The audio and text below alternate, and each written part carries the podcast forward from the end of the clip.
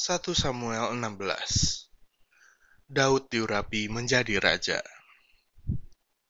Berfirmanlah Tuhan kepada Samuel, Berapa lama lagi engkau berduka cita karena Saul?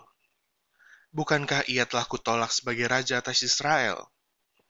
Isilah tabung tandukmu dengan minyak dan pergilah. Aku mengutus engkau kepada Isai, orang Bethlehem itu, sebab di antara anak-anaknya telah kupilih seorang raja bagiku tetapi Samuel berkata, Bagaimana mungkin aku pergi? Jika Saul mendengarnya, ia akan membunuh aku. Firman Tuhan, Bawalah seekor lembu muda dan katakan, Aku datang untuk mempersembahkan korban kepada Tuhan. Kemudian undanglah Isai ke upacara pengorbanan itu. Lalu aku akan memberitahukan kepadamu apa yang harus kau perbuat urapilah bagiku orang yang akan kusebut kepadamu. Samuel berbuat seperti yang difirmankan Tuhan, dan tibalah ia di kota Bethlehem.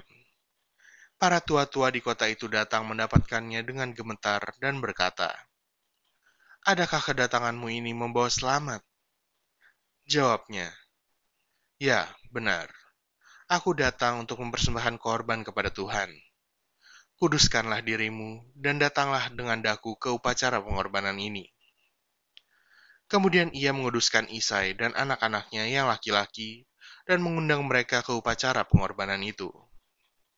Ketika mereka itu masuk dan Samuel melihat Eliab, lalu pikirnya, Sungguh, di hadapan Tuhan sekarang berdiri yang diurapinya. Tetapi berfirmanlah Tuhan kepada Samuel, Janganlah pandang parasnya atau perawakan yang tinggi, sebab aku telah menolaknya. Bukan yang dilihat manusia yang dilihat Allah. Manusia melihat apa yang di depan mata, tetapi Tuhan melihat hati. Lalu Isai memanggil Abinadab dan menyuruhnya lewat di depan Samuel. Tetapi Samuel berkata, orang ini pun tidak dipilih Tuhan. Kemudian Isai menyuruh Syama lewat. Tetapi Samuel berkata, Orang ini pun tidak dipilih Tuhan. Demikianlah Isai menyuruh ketujuh anaknya lewat di depan Samuel. Tetapi Samuel berkata kepada Isai, Semuanya ini tidak dipilih Tuhan. Lalu Samuel berkata kepada Isai, Inikah anakmu semuanya? Jawabnya, Masih tinggal yang bungsu, tetapi sedang mengembalakan kambing domba kata Samuel kepada Isai. Suruhlah memanggil dia, sebab kita tidak akan duduk makan sebelum ia datang kemari. Kemudian disuruhnya lah menjemput dia. Ia kemerah-merahan, matanya indah, dan parasnya elok. Lalu Tuhan berfirman, Bangkitlah, urapilah dia, sebab inilah dia. Samuel mengambil tabung tanduk yang berisi minyak itu dan mengurapi Daud di tengah-tengah saudara-saudaranya.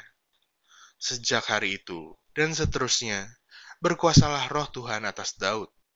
Lalu berangkatlah Samuel menuju Rama. Daud di istana Saul.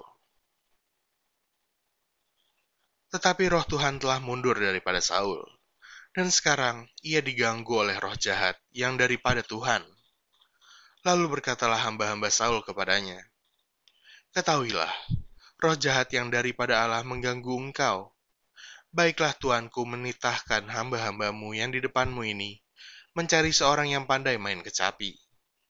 Apabila roh jahat yang daripada Allah itu hingga padamu, haruslah ia main kecapi, maka engkau merasa nyaman. Berkatalah Saul kepada hamba-hambanya itu, Carilah bagiku seorang yang dapat main kecapi dengan baik, dan bawalah dia kepadaku.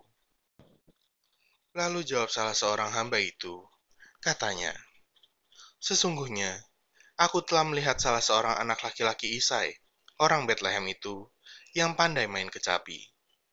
Ia seorang pahlawan yang gagah perkasa, seorang prajurit yang pandai bicara, elok perawakannya, dan Tuhan menyertai dia. Kemudian Saul mengirim suruhan kepada Isai dengan pesan, Suruhlah kepadaku anakmu Daud, yang ada pada kambing domba itu. Lalu Isai mengambil seekor keledai yang dimuati roti, sekirbat anggur, dan seekor anak kambing. Maka dikirimkannya lah itu kepada Saul dengan perantaran Daud, anaknya.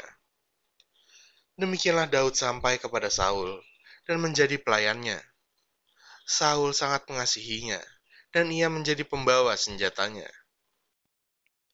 Sebab itu Saul menyuruh orang kepada Isai mengatakan, Biarkanlah Daud tetap menjadi pelayanku, sebab aku suka kepadanya. Dan setiap kali apabila roh yang daripada Allah itu hingga pada Saul, maka Daud mengambil kecapi dan memainkannya. Saul merasa lega dan nyaman, dan roh yang jahat itu undur daripadanya.